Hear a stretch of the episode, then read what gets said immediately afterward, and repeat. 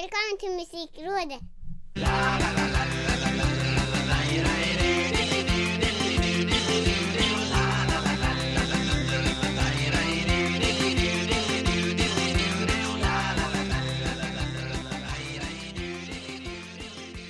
Musikrådet nummer 34, även kallat det första avsnittet för år 2021 Mm. Skönt att släppa allt det gamla, herr senior Ricky Holmqvist Ja men det är det. Vi vänder blad nu. Vi gör ju det, det är nytt år, det är nya, Mm. helt nya förutsättningar och- då tänker jag vara ful nog att kasta mig in i den här podden på ett annorlunda sätt än vad vi brukar Oj, göra oj, oj. Okej. Mm. Alltså plö- plötsligt stod han bara där eh, På midsommar, midsommar eller på att säga Det hade ju varit fint om det var midsommar På eh, Ja, ny, nyårsafton, årsskiftet Skansen, ring klocka ring lästes och sen Tittade man ut på gråa moln Och hörde några smällar Vände sig tillbaka mot televisionsapparaten Och där stod han Thomas Ledin Han sjöng in det nya året med någon ny singel tror jag Och Jaha. matade sen av ett eh, pärlband Ett medley av, av hits kan man säga Mm. Så min fråga, min första fråga till dig 2021 blir inte vad du har lyssnat på utan vad är ditt förhållande till Thomas Ledin? Det är så året börjar helt enkelt Åh herregud. Alltså, jag, jag, har, jag har faktiskt funderat på den här frågan eh, tidigare. Eh, jag, jag, jag kan absolut inte säga att han är en artist som, som finns på min radar så. Eh, jag kan egentligen varken säga bu eller bä. Det är inte så att jag åh, hatar Thomas Ledin eller att, att jag på något sätt tycker att han är ett geni i, i, där uppe med Per Gessle och så. Utan han är en ganska så här anonym artist för mig. Eh, jag kan absolut inte eh, blunda för att han har gjort otaliga hits. Det kan jag, kan jag inte och tänker inte ta ifrån han. Men jag tycker att han för att vara så pass stor i det här landet och nämnas med sån respekt i vissa kretsar så är han ganska anonym för mig. Ja, Jag menar han Jag menar han har ju som du säger ett sånt här uppdrag Ger man ju bara till de största. de, de största. Och jag menar När det är så här eh, Vad heter det Kungahusgrejer Ja men då är Ledin där lite titt som tätt. Så han, han, eh, han har ju cred Ganska högt upp Om man säger så på, ja, ja, på något sätt i alla fall Ja För han är ju, jag skulle ju inte beskriva honom som en creddig artist Nej inte Utan- cred utan så utan han, vad ska man sätt. säga, nämns med respekt då. Ja. Snarare än cred. Ja. Eh, så. Men för mig är han inte typ i närheten av de här Orup eller Strömstedt och de där. De, de håller jag på något sätt närmre med alltså eh, låtsnickeri och musiksnickeri. Thomas Ledin tycker jag bara är Ja, jag, jag vet inte. Så icke artist på något. Eller icke-artist kan jag väl heller inte säga. Det ju Ska bli pissa, diss pissa på en 40-årig karriär. Bara, Han är en icke-artist. Nej men så, jag vet inte. Jag, jag, jag, jag har aldrig förstått honom riktigt heller. Vad, vad han... Är det pop? Är det rock? V, vad skriver han om? Alltså så. Nej. Kärlek, det är knivhuggarrock om kärlek Ja. Men jag menar det... Ja. Nej, jag, Nej, jag, typ- jag är lite in, jag hänger med på ditt resonemang Jag liksom funderade på det där och då Med några glas champagne i kroppen och Thomas Ledin Ja. på televisionsapparaten Ja det är då man börjar filosofera. Ja, och kände att ja, men för mig är han Men han är töntmäktig Om jag får hitta Ah, på ett det var ju eget ord fantastiskt bra beskrivet. För, jag menar Den här singeln Den nya han har släppt nu, den är ju ingen vidare Den heter Hela världen håller andan Eh, Jag Mm. vet inte om det var den han spelade först Men jag vände upp blicken eh, Tittar och ser Thomas Ledin där och så liksom Det måste jag erkänna att den första tanken spontant är ju Nej vad fan är det han? vad är han där liksom?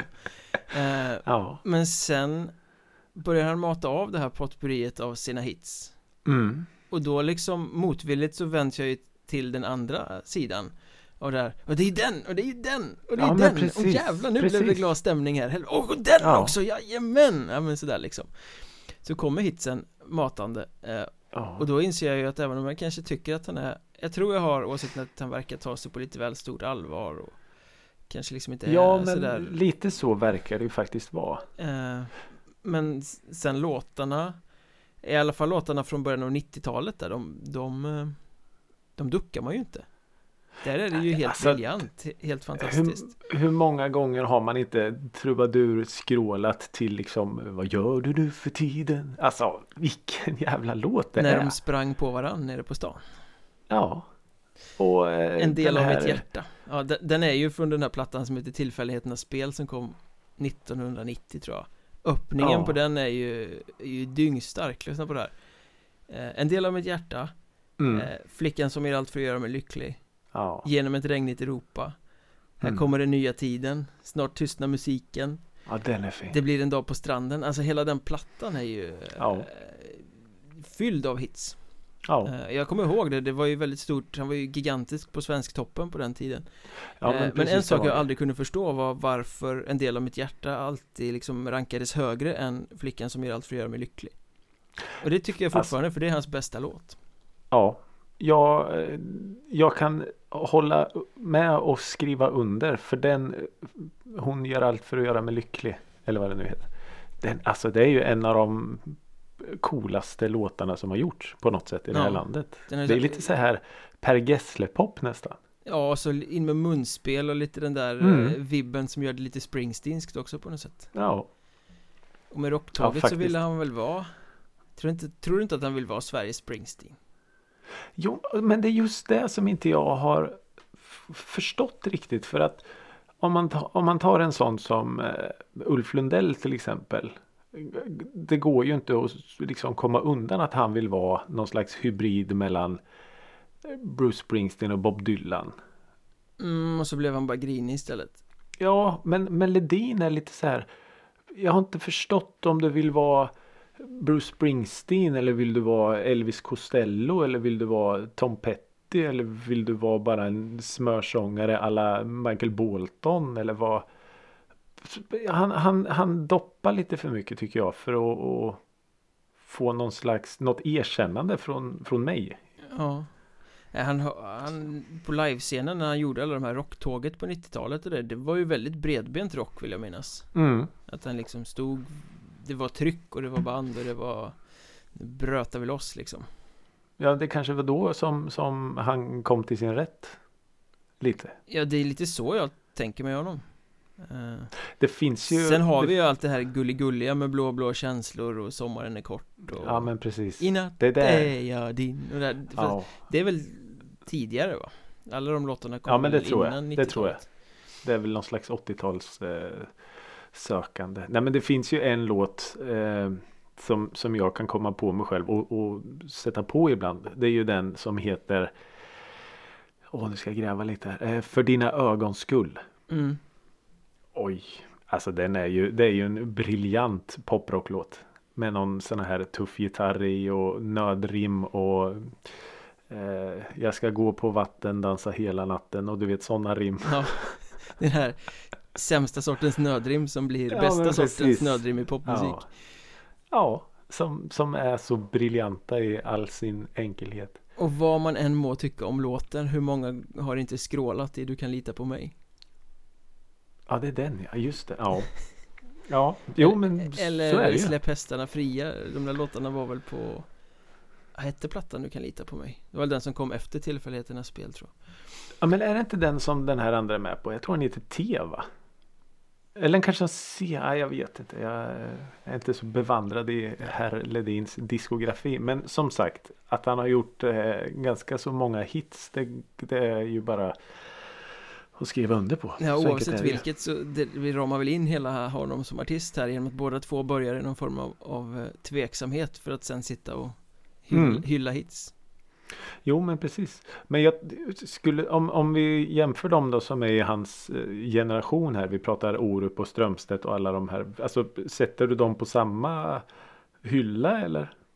Jag tror nog att jag har ungefär samma relation till alla de här artisterna Det Mm. vill säga jag har inte följt deras karriärer på ett sånt sätt att jag har knarkat plattor Nej, Utan det är precis, de här nej. låtarna som man har matats med och där har ju Ledin betydligt fler Eh, Jo, jag, jag kan det tycka kan att Orup är ju den som hyllas mest av dem kanske I alla fall mest Mm. cred Ja, precis. Och det är klart att han har ju gjort jättemycket bra Ja. Men jag har aldrig fastnat så jättemycket för dem Det är lite för mycket soul i det på något sätt ibland Ja, just det. Mm. Men han ja, hade ju den här är- plattan, vad den nu hette Nej det kommer jag inte ihåg, men det är någon platta där eh, Som det är mängder med bra låtar på Mm. Jag hade den inspelad på ett kassettband på ena sidan och Roxettes The Look på andra sidan Ja, vilken eh, blandning, Ja. säger jag. Det är ju fantastiskt. Och nu pratar vi kassettband så nu är vi liksom Way back Unga lyssnare ett par år tillbaka, ja. Innan ni inser att vi måste gå i pension snart så är det kanske dags att ställa den där magiska frågan i alla fall Vi, vi stryker de här första tio minuterna och så, så pratar vi om det som är relevant Vår ungdom, vår eh, kreddighet, vår förmåga att Ja. hela tiden ha örat mot rälsen och upptäcka det nya Så, Mm. senior Ricky Holmqvist, vad har Ja. du lyssnat på den senaste veckan? Förutom den fullkomligt briljanta spellistan Drevets 100 bästa låtar Ja, jösses som gick upp och ner och ner och upp några gånger.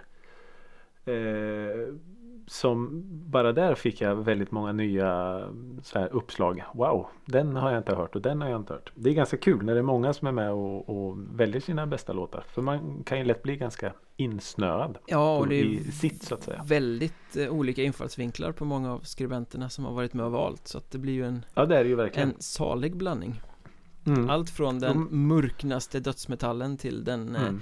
sprödaste garderobspoppen Ja, och det är ju drevet personifierat på något sätt. Verkligen Eh, men förutom den listan eh, så har det ju då varit eh, ledigt och myspys och allt. Så det har ju gått musik mest hela tiden känns det som. Men om jag får plocka ut två låtar som har stått ut lite extra så som man har hajat till lite. Det är ju Blurs låt Tender Okej från eh, plattan som heter 13. Mm. Den hade man ju kunnat plocka med i vårt 13-program. Men det tänkte jag inte på då. Eh, Sent skola gjorde- syndaren vakna Ja men lite så är det ju. Eh, men den är ju också så här oh, i all sin enkelhet. Det är bara lite gitarr, enkel sång. Men så bara kommer en gospelkör och det bara byggs på och byggs på. Och, nej, jag hade glömt bort den låten men så dök den upp där på någon sån här Daily Mix samling på Spotify och man bara oh shit vilken låt det är. För det var ju det som var ganska kul med, med Blur till skillnad från sina ärkefiender i Oasis och allt vad det var. Att man, man visste aldrig. Blur kunde låta precis hur som helst. Ja, som i det här fallet då med, med gospelkörer och allting. Så ja, ja men det gjorde ju också att hälften av allt de släppte var mög och Ja. eh, Sen dök de här briljanta grejerna upp Song 2 är ju fortfarande en- världens bästa rocklåt Kanske en av dem kanske. Ja.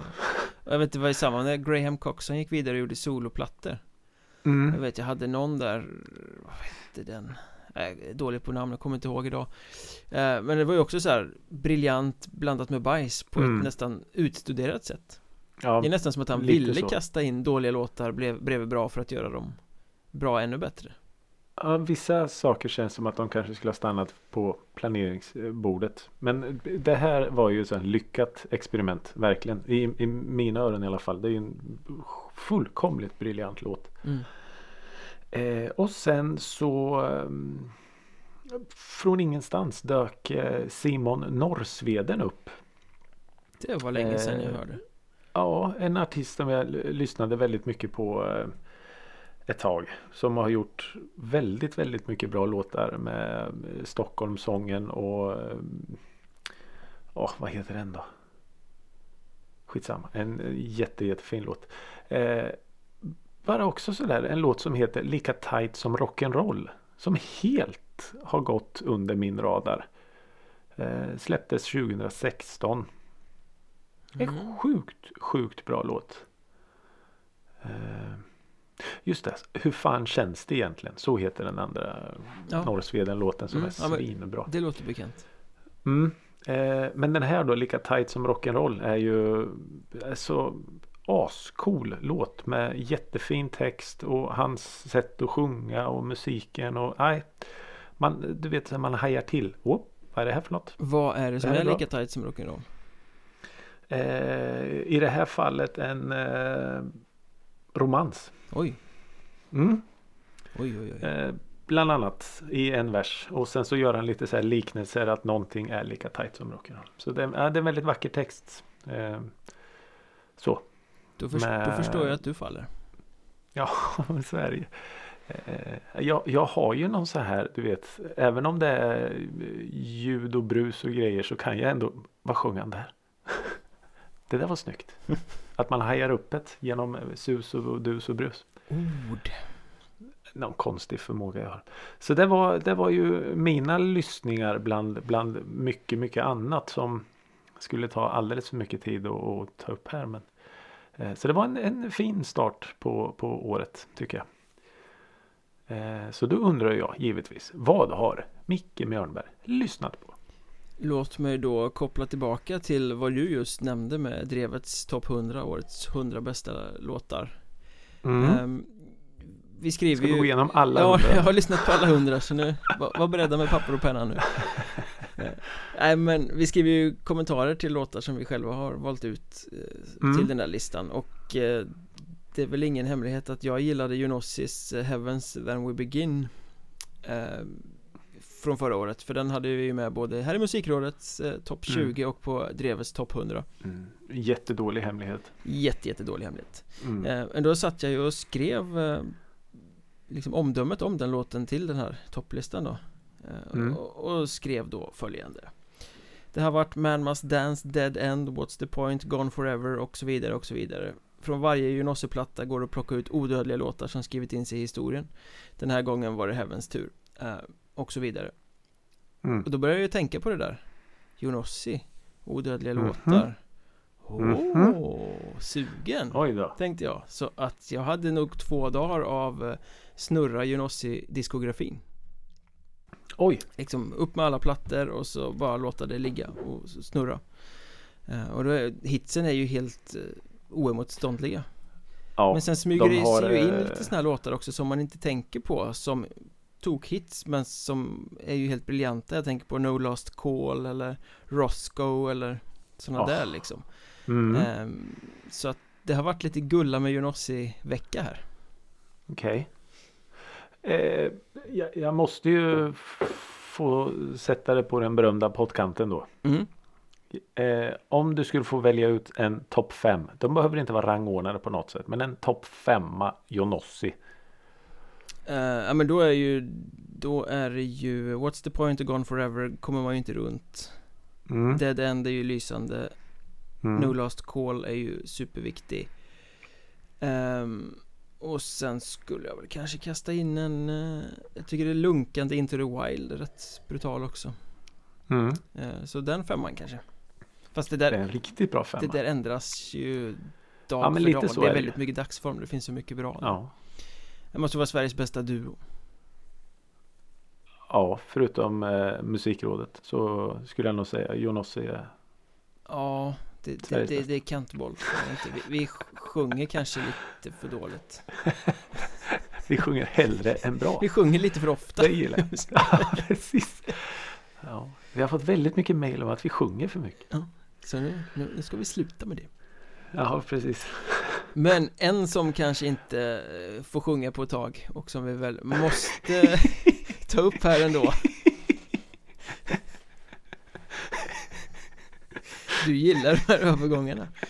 Jag gillar den jättemycket och ni kommer snart förstå varför. Han sitter i finkan just nu och eh, väntar på vad som ska hända. Eh, rapparen Yasin som ju då Mm. alltså greps någon timme innan tolvslaget och sitter häktad misstänkt för stämpling till människorov. Mm. Eh, Det är inga små grejer. Nej, det är det ju inte. Det, det finns ju betydligt eh, creddigare saker kanske att åka dit för. Om man ska se det så. Men eh, det är väl inte det vi tänker ta upp här egentligen utan det vi fokuserar på är väl eftermälet till det här. Eh, rapparen han har ju en bakgrund i kriminalitet, det är ingen hemlighet, det har har väl folk vetat länge. Eh, Mm. Nu grips han igen misstänkt för det här brottet och den här folkdomstolen i sociala medier börjar omedelbart att skrika.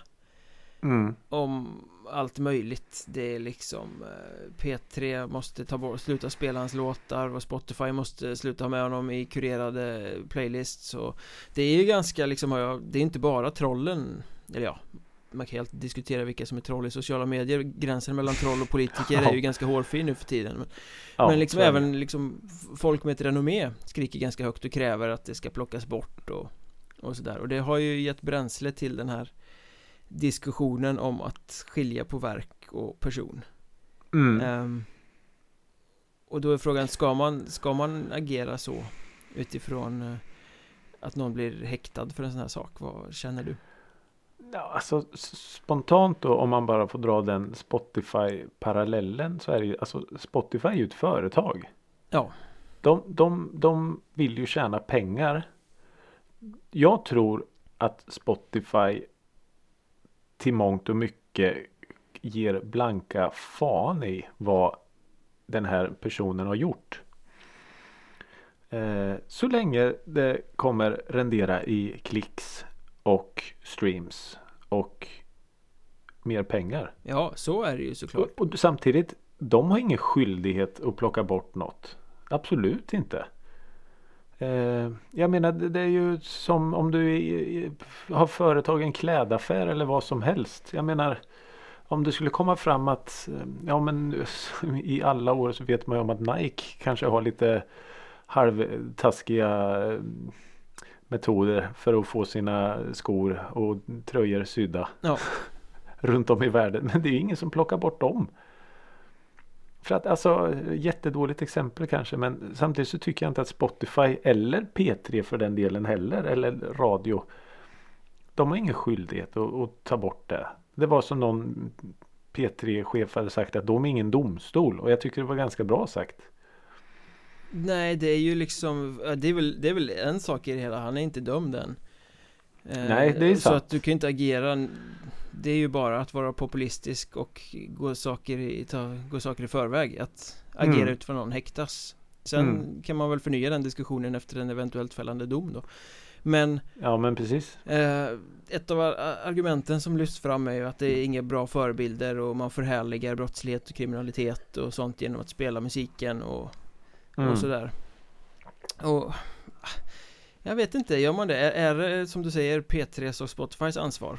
Då ligger väl ansvaret det det ju ännu inte. större på skivbolaget som ger ut det i så fall Då är det väl där Jo, jo, men- brom, bromsen ska, ska dras Ja lite så är det ju och jag menar den, det känns som att den här diskussionen går i, i cykler på något sätt. För jag menar det är ju alltid något som upprör och stör folk. Jag menar det, den här diskussionen fanns ju för ja, vad är det, då, 30 år sedan när det liksom gangsterrap började komma upp.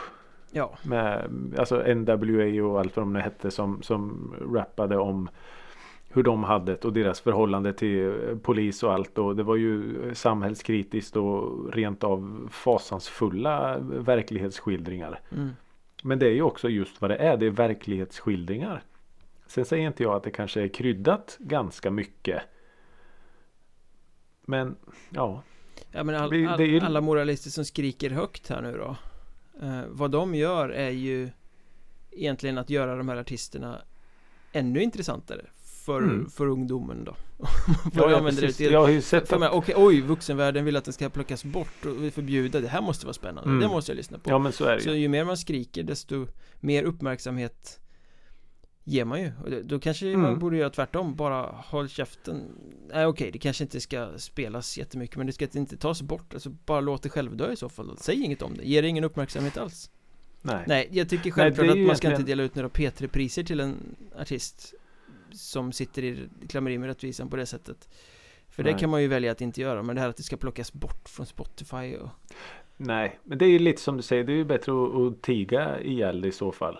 Ja. Eh, för liksom, jag tror han har typ trendat på Twitter tre dagar i rad nu liksom. Ja. Av olika anledningar. Eh, som sagt. Så fort man, man säger att det ska förbjudas eller att det här är inte är bra. Det kommer ju bara flera hundratusen klick då. Ja, det är ju så Så, eh, ja. Nej men och sen är det ju också så att börjar man göra en sån sak då hamnar man i en jävla gråzon där man måste ta mängder av nya beslut för hur många pissiga människor finns det inte i musikbranschen? Ja men så är det Och det här var ju ofta lite som... hänger ju liksom genialiteten musikaliskt ihop med en problematisk person eh, Mm. Och dålig människosyn och droger och våld och Mm. Alltså det finns ju hur Ja. många exempel som helst Om du börjar ta bort en då måste du ju börja ta bort en massa andra Och då blir Ja. det plötsligt väldigt, väldigt svårt Var går gränsen då då? Men det blir ju lite som vi pratade om i vårt avsnitt eh, Artister i klister att någonstans måste man ju få dra en gräns. Mm. Att det här, det här är fan inte okej. Det här tar vi helt avstånd ifrån. Eh, och då gör man inte den här skillnaden mellan artist och verk utan då, då klumpar man ihop allt och säger det här bort med det här skiten bara. Och det är ju det vi har pratat om. Det har ju då varit som R. Kelly till exempel och det har varit eh, Ja, Tim Lambesis där som och- satt i och- finkan ja. för stämpling till mord till exempel De får, Jo, men det om är säger ingen som skriker att det ska tas bort Nej. Men ja, samtidigt. Jag, jag tycker det är jätteintressant och jättesvårt. Att om han nu skulle eh, dömas för det här. Om det visar sig att han är eh, skyldig. Vad som kommer hända Mm. med hans eh, musik och hans eh, eftermäle. Antagligen så kommer han ju bli större än någonsin. Ja, det finns ju en viss sannolikhet Men jag tycker att det, det där ligger ju, det ansvaret att välja bort ligger på lyssnaren i så fall Mm. För jag gör ju det Alltså om det är någon artist som står för saker inte jag, jag inte kan ställa mig bakom eller inte känner att Ja. jag, då lyssnar inte jag på den artisten Nej. Och där någonstans, det får, det får ju lyssnaren ta sitt eget ansvar Jag gissar att många av dem som skriker över ta bort jazzin har väl aldrig hört hans låtar Nej, lite så är det ju. Och det var ju så precis så jag funkade också. Att när, det här, när hans namn började nämnas. Då började jag söka. Eh, gå in på Spotify och lyssna. Och det fanns ju den här eh, intervjun som har blivit ganska omtalad nu på SVT Play. Som jag gick in och tittade på också. Bara för att på något sätt få en bild om vem är den här som, man, som alla pratar om. mm. Eh, för den andra personen i, i, i det här fallet har vi ju pratat om. Ja. Han kan jag ju lite mer. ja. Stackarn. Jag var med bland Ricky Holmqvist ganska mycket lyssnade 2020 Eh, Mm. Men eh, nej, så långt det är möjligt tycker väl jag i alla fall att man ska skilja på verk och person Mm.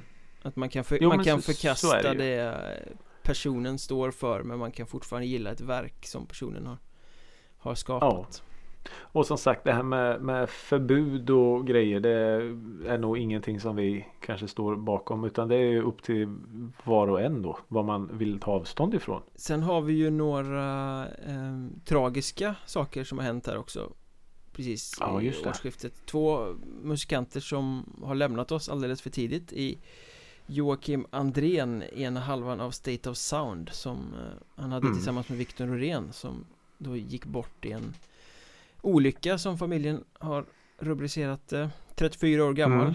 och gitarrvirtuosen Alexi Lajo från Children of Bodom, de har väl i och för sig splittrats men det, det var hans band, han, han ledde det, han sjöng och spelade gitarr. Eh, Mm. Finskt band. Eh, Dog 41 år gammal efter en längre tids hälsoproblem, heter det. Sjukt. eh, Tragiskt med fina musiker som går bort så tidigt Ja men det är det och jag, alltså jag läste ju om båda de här och jag kan ju verkligen ingenting av något om dem. Alltså så. Men ändå så gör det ont i hjärtat när man läser att dels så unga människor har gått bort men sen musiker också. Det känns lite extra på något sätt. Ja, ja det eh, Alexi Lajos eh, har ju lyssnat mer på Hela Twitter och eh, Instagram exploderade ju med andra musikers eh, kondolenser eh, När det blev känt Ja, han var väl otroligt respekterad Ja, vad jag förstod va? han var väl Som lite- gitarrist och... Ja, ja, han var ju, han var ju ett geni liksom i, i Mm. gitarrspelet Nu är väl Han spelade snabbt va? Ja, han var, han var både snabb och teknisk och, och, och allting Okej.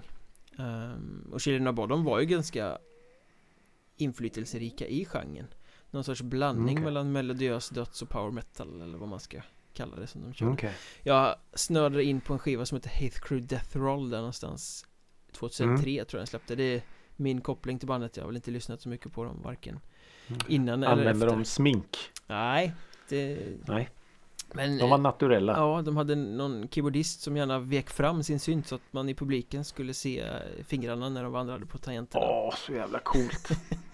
Eh, Mm. Men Rest in Peace till båda de här ofantligt verkligen. sorgliga nyheter Ja.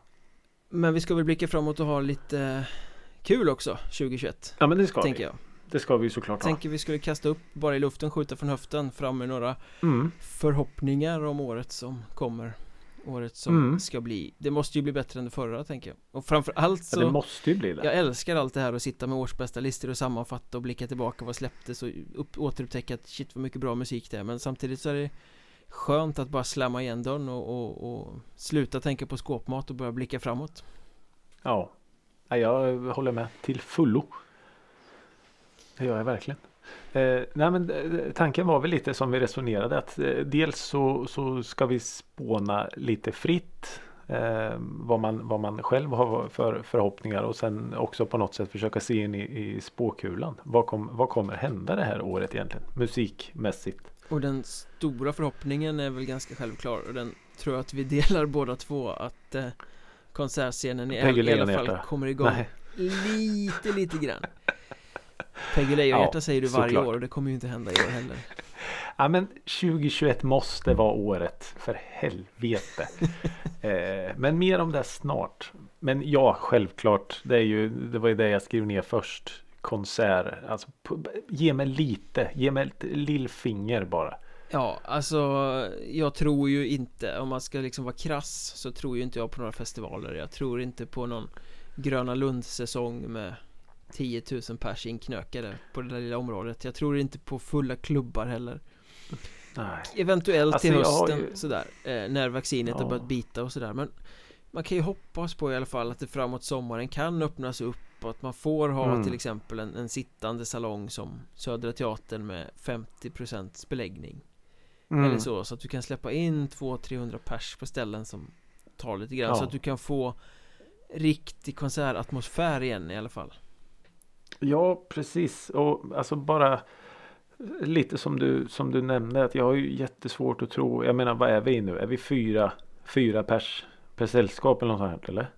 Är det den Ja. restriktionen som gäller fortfarande? Och jag har jättesvårt att tro att man går från fyra till ett knökfullt konsertlokal på 800-900 Ja, på, På, på evenemang, alltså på sport är det väl åtta Så det tror jag gäller för konserter också Ja. Men man genomför ju inte en konsert på åtta betalande för att det är ju Nej. Det är ju ett ekonomiskt självmord Nej, och, men jag funderade också lite på det som vi var inne på i, i, i början av den här eh, podden Musikrådet. Thomas Som vi Ledin. pratade om det. ja, precis. Att han måste ut på vägarna. Nej, det här med livestream. Ja. Att nu är det ju ett, ett, ett ypperligt tillfälle om nu eh, Jag kommer att säga emot mig själv här snart, det vet jag. Eh, när det är lite mindre spelningar, de börjar släppa in så att man även då erbjuder en live, ett livestream komplement. mm. Så även fast det kanske bara tar in 50, 100, 150 pers så den här går även att köpa digitalt den här spelningen. Lite billigare men ändå Mm. tillräckligt prissatt så att det ger något Ja, och då tänkte jag ju så här att ja, det vore ju asbra. Samtidigt, det blir lite större produktion. Det är kameror och det är ljud och sådana grejer. Visst, det kanske kostar lite mer för artist och produktion hela så, men någonstans så tror jag ändå att det kommer vara värt det alltså. mm. Jag, tr- jag tror det. För att folk suktar så fruktansvärt mycket nu. Efter eh, Alltså det, det är ju nästan så att det, det, det törnar snart. Att man bara Nej jag, jag skiter i det. Jag orkar inte med livemusik längre. Alltså för man har suktat så mycket. Ja. Ehm, Så ja, jag, jag hoppas ju på det. För att jag menar Det kommer ju bli som de här stora konserterna sen att ja, på fredag släpper vi biljetter. Att man du vet sitter på så här uppdatera knapp. ja, För det finns bara 50 biljetter att slåss om. man kommer gå på vad som helst Skit i vad det är för artist, bara det är live Ja, men vet du vad? Exakt så resonerar jag nu. Ja. Det, det spelar ingen roll. Benjamin Ingrosso sjunger tåb akustiskt. Oh, Nej, fuck it. nej Jag är där. inte Jag är Benjamin där. Ingrosso Inte Benjamin. Ingrosso Längst då, fram, jag är där. nej, Jag lägger ner livescenen Bernilla, Bernilla ja. Ja, ja, Benjamin och Pernilla tolkar Taube. Ja, jag är där! Ge mig! Inklusive middag. Eh, nej men självklart det är, ju, det är ju de två stora sakerna som jag tror vi båda enas om att konserter och festivaler Ja, ska på något sätt komma igång. ja det, det kommer det väl göra i liten skala Det, det vågar jag förutse eh, Och jag Ja. längtar oerhört mycket efter det Mm. Och bara hoppas Ja, det att det finns ju. scener kvar att spela på så att inte alla har gått omkull nu när När det har varit som det har varit i ett år Nej, och där har jag en grej som jag har skrivit upp också faktiskt. Att i och med att det är fler och fler ställen, alltså renodlade konsertlokaler som tyvärr måste bomma igen. Att fler sorters, vad ska man säga, lokaler ser möjlighet att arrangera spelningar. mm. Eh, ja, men lite mer kanske spelningar på restauranger, pubbar, alltså sådana grejer. Eh, där det tror jag går att arrangera för att spelställena har blivit mindre men artisterna står ju och bara frustar och stampar på att ge sig ut. Ja, Så det är i det här läget man skulle vilja ha varenda konsertlokal så men tyvärr så har ju de blivit färre medan artisterna har blivit fler om man säger så. verkligen För nu är ju alla artister startklara och ger sig ut på turné. Ja, och hungrar som dårar Ja men så är det ju. Även om man bara har gammal skåpmat att bjuda på så vill ju alla ut nu. Eh, så Och- det är också en sån grej jag tänkte att, att fler borde erbjuda konserter. ja, Alltså det, nattklubbar och, och sådana grejer också. det anknyter lite till en punkt som jag har också Det är att jag vill gärna se En förändring i branschens tänk på Mhm. något sätt. Att jag hoppas att den här coronapausen och uppehållet och kaoset föder något nytt. Så att vi slipper Mm. det här gamla trångsynta skivsläppet. Liksom att singel, singel, platta, turné. Mm. In i studion igen, singel, singel, platta, turné.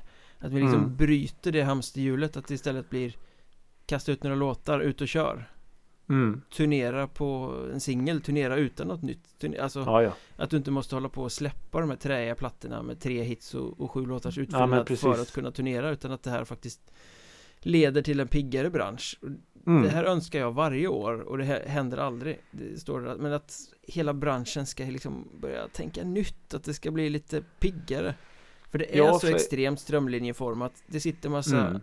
Trötta PR-människor som skickar samma trötta eh, pressreleaser till samma trötta journalister som kör samma Mm. trötta videopremiärer. Mm. Eh, det släpps trötta plattor.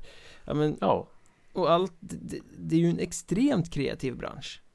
Att Oh, man ja. inte bara kan slå hål på det här hamsterhjulet som snurrar år efter år efter år när det finns Mm. så mycket roligare att göra. Ja, för Eh, det, det blir ganska stora kontraster i, i, i det här att artister som är väldigt kreativa är i händerna på folk som är ganska eh, bakåtsträvande. Ja, e- extremt så är det ju. Det blir väldigt stora kontraster och jag menar nu är ju ett ypperligt läge att tänka nytt. För jag menar vem som helst skulle kunna ge sig ut på vägarna nu och sälja slut på jag tror varenda konsertlokal. Ja. Med gammal skåpmat.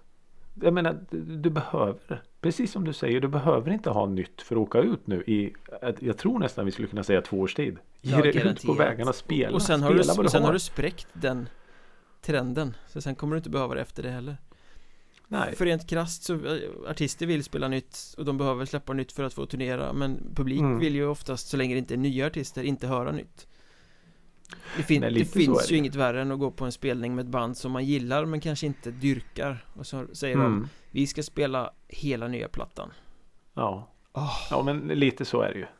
Lite så faktiskt. För jag menar att, att få Det är också ett så här fenomen som jag är otroligt fascinerad av. Att få en, en låt att sitta live.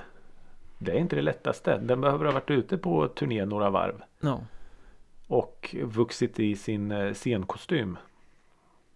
Eh, Jag tycker det är ganska häftigt eh, med vissa band som man följer och märker hur låtar växer sig och tills de fyller ut hela scenen. Och det gör väldigt sällan nya låtar.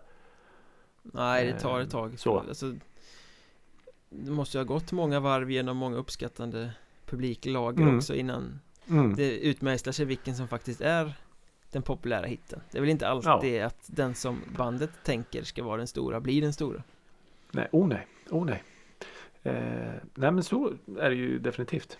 Sen en sista önskan om man säger så eh, Som jag Mhm. har är ju att Jag vill att det ska bli lite Att spotlighten ska riktas lite mer mot rå musik Eh, Mhm. Och då menar jag inte en genre utan då menar jag Alltså smutsig musik Oavsett om det är rock eller hårdrock eller hiphop eller pop eller Mm. någonstans Jag tycker att det har varit lite för slick och lite för vänt och snyggt nu i några år Mm. Eh, Och då pratar jag alltså det som får det stora strålkastarljuset Ja, Just det. Mm. Ehm, Även om det är häftiga hiphop-snubbar så är det ändå Mm. liksom, det är inte det här ner och kräla i smutsen eh, Nej, just det. känslan det. kan vara det i texterna men inte, inte i musiken Tycker jag Nej. inte, så jag, jag vill i det stora mainstream strålkastarljuset se lite smutsigare musik helt enkelt Att, Mm.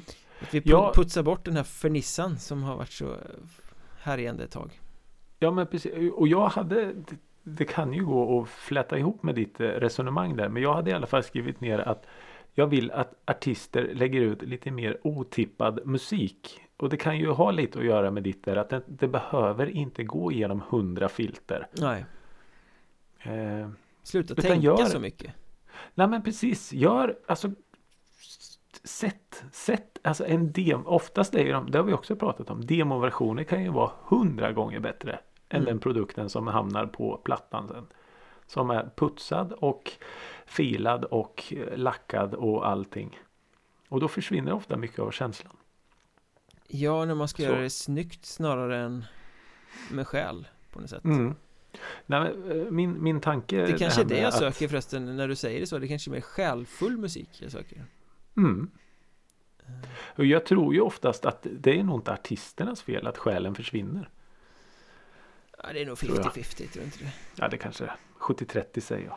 Men, eh, nej, men när- när jag skrev det här med att lägga ut otippad musik är ju att det är väl typ det som jag har känt har varit positivt med all den här att eh, spelningar har försvunnit. Att artister Ja men du vet de lägger ut en cover på sin Instagram eller de, de gör något otippat på sin Youtube-kanal eller sådär. Och ganska häftiga grejer då.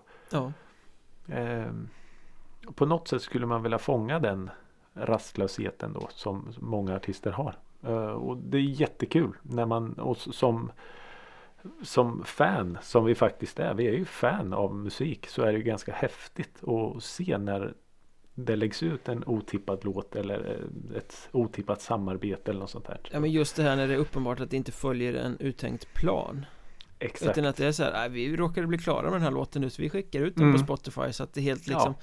Det blir lite så här hemlig släpp Både Taylor Ja, Swift och Eminem gjorde väl det Förra året Ja. Släppte plattor utan att Säga att det skulle komma något Ja. Eh, det, Nu är det de stora elefanterna men just det där Att helt plötsligt bara få, få ett släpp från en artist man gillar i nyllet utan att man förväntade sig det Nej, men Det är ju exakt. faktiskt Ja, jag- ganska Det finns en tjusning i att gå och vänta och veta om ett släppdatum och sådär Såklart Men eh, Det är det ju. Men Samtidigt det är kul att det det läcker att ut man att det bygger kommer upp förväntningarna. liksom.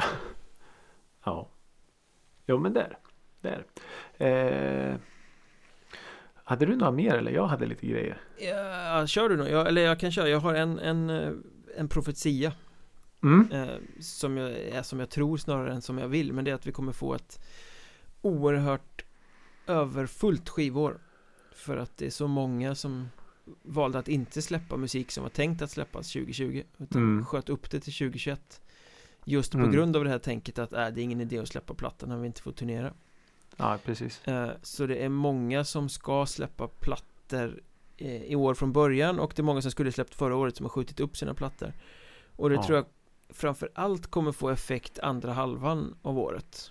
För att nu är det nog många som sitter med klara plattor Kanske tänkta att släppas inför en festival sommar eller sådär Ja just Som det. kommer Mm. skjuta sina släpp till hösten I väntan på att det ska öppna upp sig lite Så lär det nog vara ja. Så det är- sannolikheten att det kommer brutalt mycket musik eh, Mm. i höst lär ju vara ganska stor Ja och då finns ju tyvärr risken att man missar många guldkorn. Ja, så lär det ju bli Tyvärr, så är det ju. Eh, ja, det är ju också det här. Släpp skivan då. Släpp Fan. ja. Du, men du behöver inte ge dig ut och turnera. Släpp skivan. Släpp skivan bara. Eh, jag, jag nämnde ju Peggy Lejonhjärta. Men eh, jag, jag hoppas att 2021 är året då vi kommer få Peggy Lejonhjärta på Spotify. mm. Jag hoppas det. Och i de bästa av världar så kommer även viskningar och rop att ges ut på vinyl. Det, ja, då är 2021 komplett. Hur många mail i månaden skickar du till Kisa och eh, tjatar om detta? Ah, nu var det ett tag sedan. Nej, jag, jag har faktiskt slutat tjata utan det har mest varit så här. Jaha, eh, eh, något nytt? Något nytt på fronten? Vad händer? Spotify? Men eh, ja precis. Nej, och, men jag, jag får ofta eh, positiva budskap. Så som sagt 2021 hoppas jag är eh, året. Hoppet lever Ja men det gör det verkligen. Eh, jag hade även en Det har ju kommit på sistone väldigt fina svenskproducerade musikdokumentärer. Ja, Eh, ja, bara nu eh, nyårshelgen har jag ju sett den här Helvete. Eh, historien om norsk black metal. ja den var det någon som pratade gott om Jag har inte sett den själv Mm. än men Att den Nej, hade lite var- andra infallsvinklar än bara det här De dödade Ja, varandra tråkiga om Ja. Mayhem och Mm. hela den ja, precis. Nej, det är lite större perspektiv och väldigt välgjord. Och även om man inte gillar musikstilen eller så, så är den absolut eh, väl värd att se. För den, den skildrar ju ett, ett fenomen, ett musikfenomen verkligen. Både uppgång och, och fall. Så den kan jag starkt rekommendera. Eh, så såg jag även det här eh, Ulf Lundell porträttet eh, om honom och sen i dagarna här nu så kommer det en om Hellacopters I'm in the band I'm in the band. Så eh, ja, det, jag hoppas att det här är en, en, en trend som kommer fortsätta faktiskt med just att det blir lite så musikdokumentärer om, om band eller musikstilar och så. För det är ju otroligt eh, intressant att kolla på. Ja, framför allt eh, om jag får lägga till liksom en önskan i den spaningen Mm. Att det är musikdokumentärer som görs av dokumentärfilmare och journalister som väljer att följa banden Snarare Mm. än att det är banden själva som ska berätta sin historia och ligger bakom dokumentären Ja men För precis. att då blir det oftast bara mall 1A från start till mål Eh, ja, det blir lite mer en reklamfilm då. Utan Så. några liksom berättartekniska grepp Mm. När någon journalist eller liksom bara dokumentärfilmare kommer in från utsidan så s- liksom får ju syn på helt andra saker och kan hitta Mm. helt andra in- angreppsvinklar och göra det mycket, mycket Ja, mer intressant så att man får veta någonting om banden och artisterna som man inte redan visste Mm.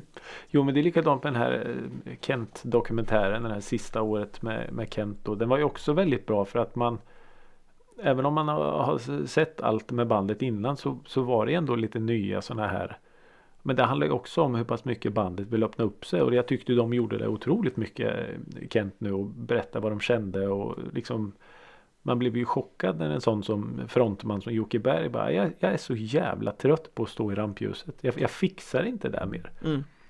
Och att man förstår att oj, är det så han känner? Ehm, Så det är också häftigt och, och skrämmande att se hur, hur en person som kan stå inför 10-12 tusen flera kvällar i rad. Alltså, Hatar det får man reda på efter hatar det liksom. Ehm, Så ja, det är intressant. Mer dokumentärer 2021 Ja, eh, och sen eh, vad hade jag mer? Jo, att eh, vi ska livepodda.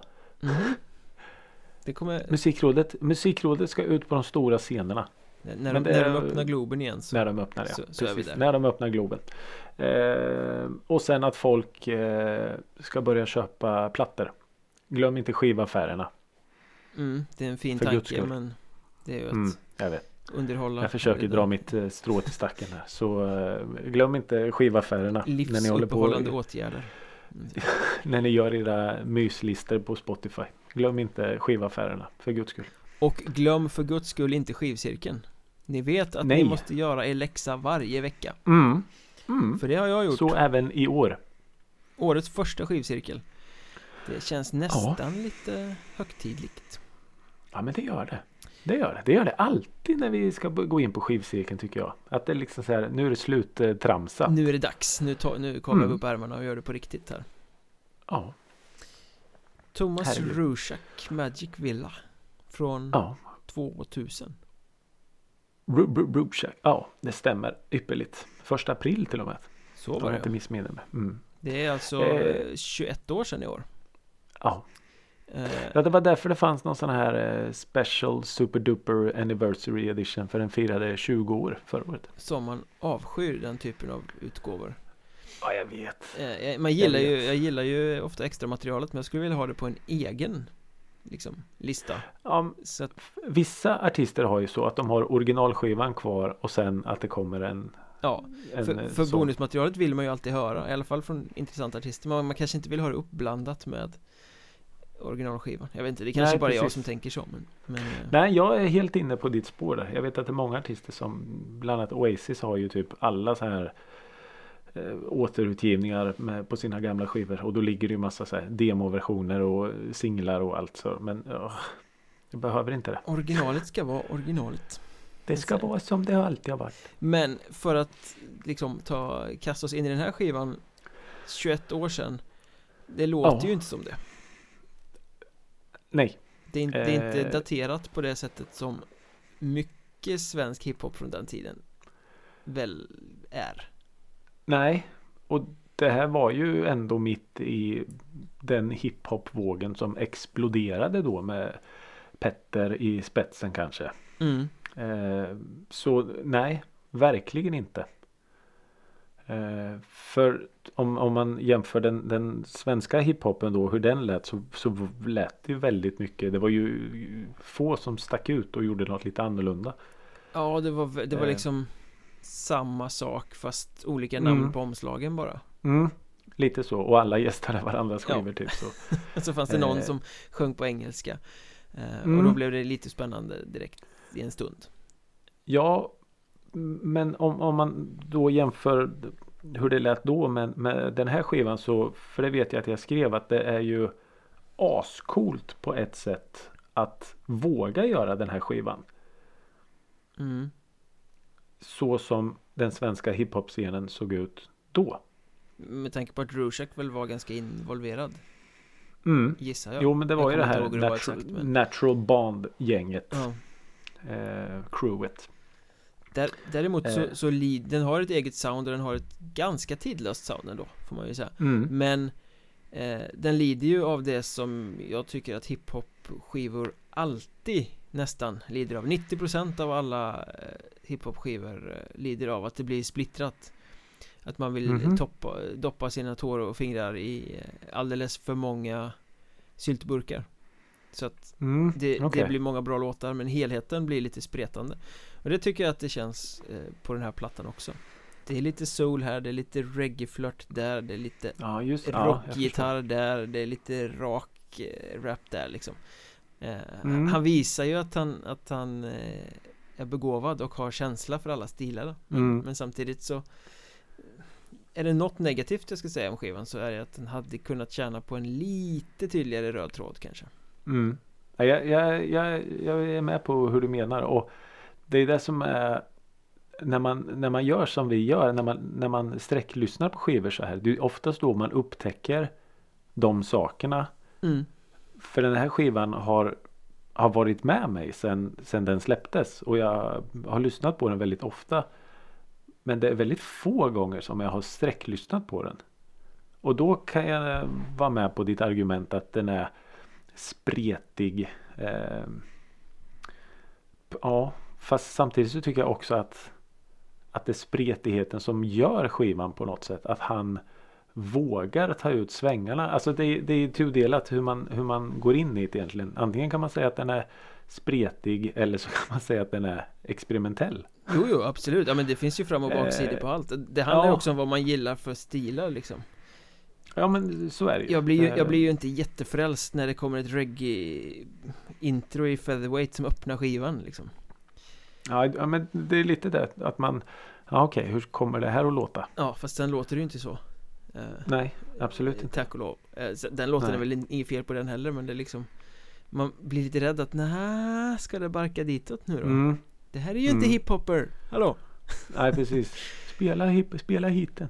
Nej, Det första jag skrev ner var att det är hiphop i uppknäppt vit skjorta. Ja, Eh, snarare än baggy jeans och en hoodie. ja men så är det ju Så är det. Det är, det är på något sätt sofistikerad hiphop med en, eh, ett glas whisky i ena handen och micken i andra. Alltså så det är, så snyggt. Jag tycker det är sjukt snyggt. mm. Ja, den där whiskyn, då skulle jag tänka på Sage Francis Lite mer råbarkade, robusta stil kanske eh, Ja. och, och det är ju inte ens nära Men, men skjortan är jag med på Ja, Skjortan Och du vet, så här och brylkrämen kanske och- ja. Ja, precis. Han hade en riktigt slick frilla på den tiden. riktigt cool. Eh, nej men det, är- det är ju eh, Vad var det jag skulle säga? Jo men just det här att han, att han vågar att experimentera och det här med Gå in i projektet liksom. Vad, vad är en hiphop-skiva? Och det är på något sätt inte bara att han har tänkt utanför ramarna utan ramarna är ju, de är ju bortkastade. Mm. Ja men det är ju lite som där magiska villan på omslaget Mm. Det, det är ett, eh, ett bygge som inte går att göra på något sätt Men ändå är det gjort Ja. Och, och just det här. Man hade ju velat varit med på något sätt i studion. Så bara, ja men fan om vi slänger in en sönderdistad elgitarr där då. Hur kan det låta tillsammans med det här stenhårda bitet? Så bara, ja, det funkar. Det funkar.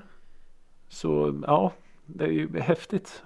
Eh, hur han, hur han har tänkt och, och prövat sig fram och för det är likadant skivan efter är ju också Den går ju också i de här i samma spår med just det här experimentella och provar sig fram och allting som i, i slutändan blir ganska bra. mm.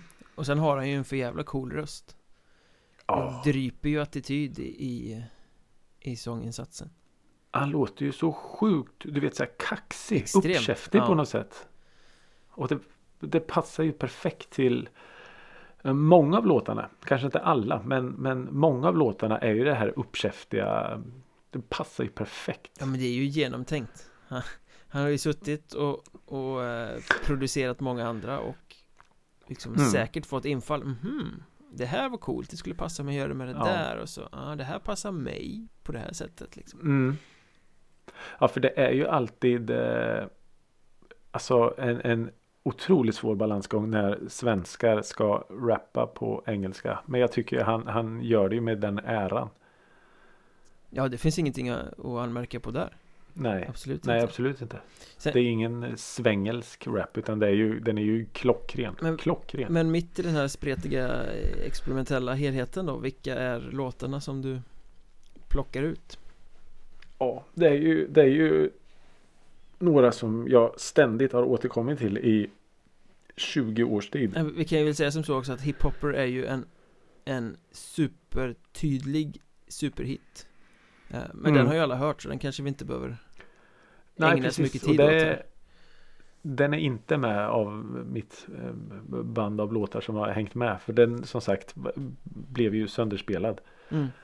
Och den var en sån här låt som man tröttnar på. Men det var ganska kul att höra den igen. Eh, men om vi börjar med eh, den She. Ja. Med featuring Messiah. Som lite lugnare låt. Eh, ja, det, det är ju Det är ju det här vackra. Det är ju rappen och sen eh, otroligt vackra refränger. Med eh, skönsjungande människor som alltså, och textmässigt också då dels rappen men, men även eh, sången i, i refrängerna är ju otroligt eh, oemotståndliga. Mm. Det, jag återkommer till dem. Och sen är det ju eh, de här lite tuffare hårda låtarna Whole Lotta Things och Pearls.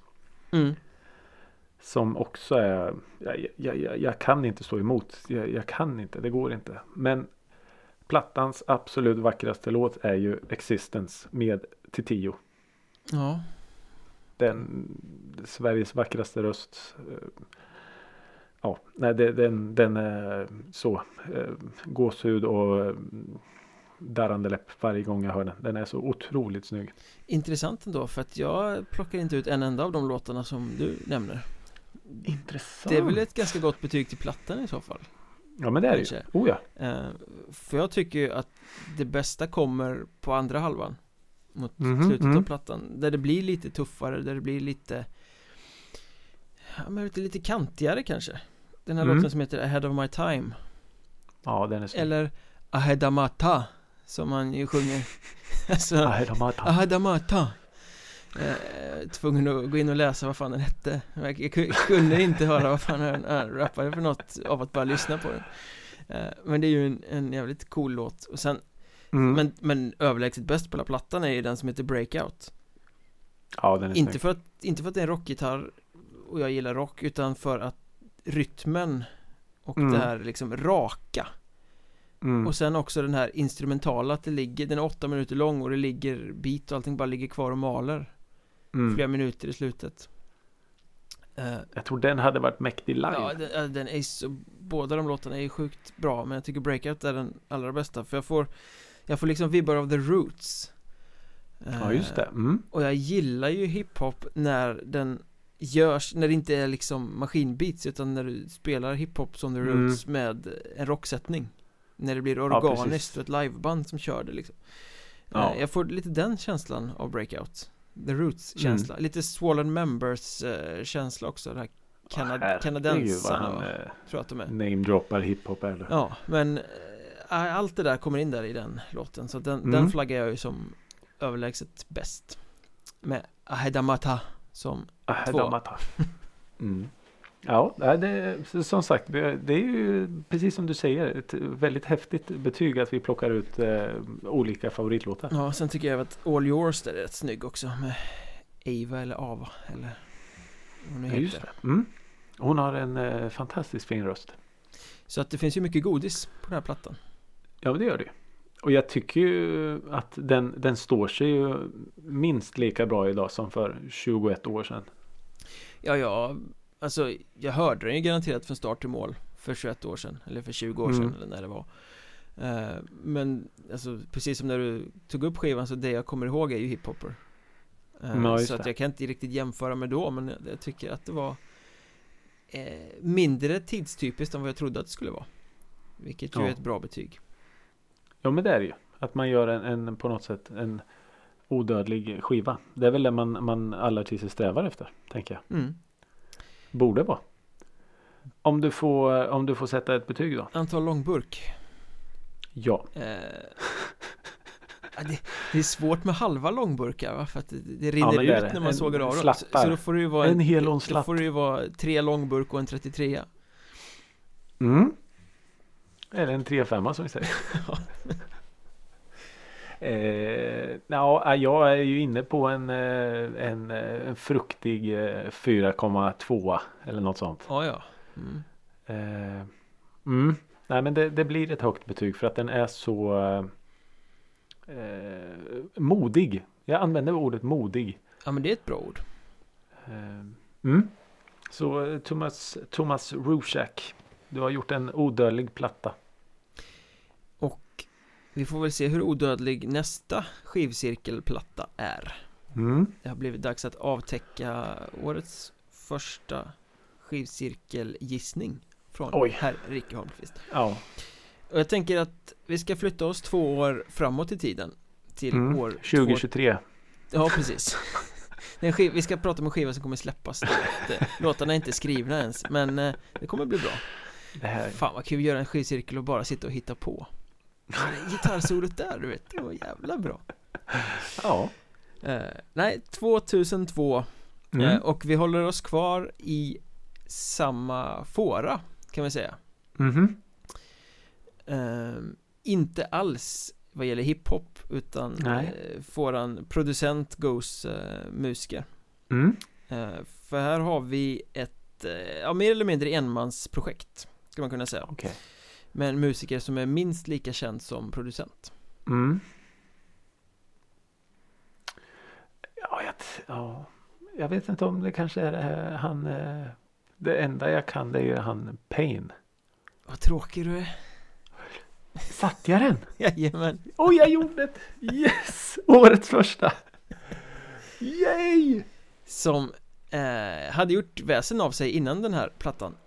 Mhm. Eh, eh, men det här var väl hans stora kliv in i mainstream skulle man kunna säga. Okej, ja. När han lämnade eh, Pain är ju alltså Peter Täktgren som är frontman i death metal-bandet Hypocrisy Har sin studio Abyss uppe i eh, Dalarna Där han har Mm. spelat in sådana gäng som Sabaton och Dimmy Borgir och Dark Funeral och Children of Bodom och ja. Det är så Allt- stora namn allt ändå. möjligt sånt där Ja det är väldigt stora men han är ju väldigt Okej. aktad Han har dessutom ett sidoprojekt tillsammans med Till Lindemann från eh, Rammstein Just det. eh, Men Pain är ju hans eh, soloprojekt kan man säga Mm. Eh, Det kallas för industrimetal eh, Jag skulle nog snarare säga att det är discorock eh, På något sätt Med tanke på Okej. vad han har eh, varit inne och flörtat Men plattan vi ska lyssna på är Nothing Remains the Same från 2002 Mm. Pains kliv in mot lite mer välkammade domäner Okej, ja. Så det här ska bli eh, spännande. Disco-rock. Eller är det här disco-rock skulle du säga? Eh, det, ha- Han doppar tårna i allt möjligt Okej. Ska jag säga Okej. Ja, det ska ju bli intressant. Tack för att ni har lyssnat i år igen Ja, verkligen. Tusen tack. Det är askul att ni följer med oss in i detta nya kapitel. Vi finns i poddapparna, sök efter Musikrådet i sociala medier så kommer ni hitta oss Och eh, tack! Tusen tack för att ni lyssnar. Fortsätt sprid gospel. Hej då! Hej då!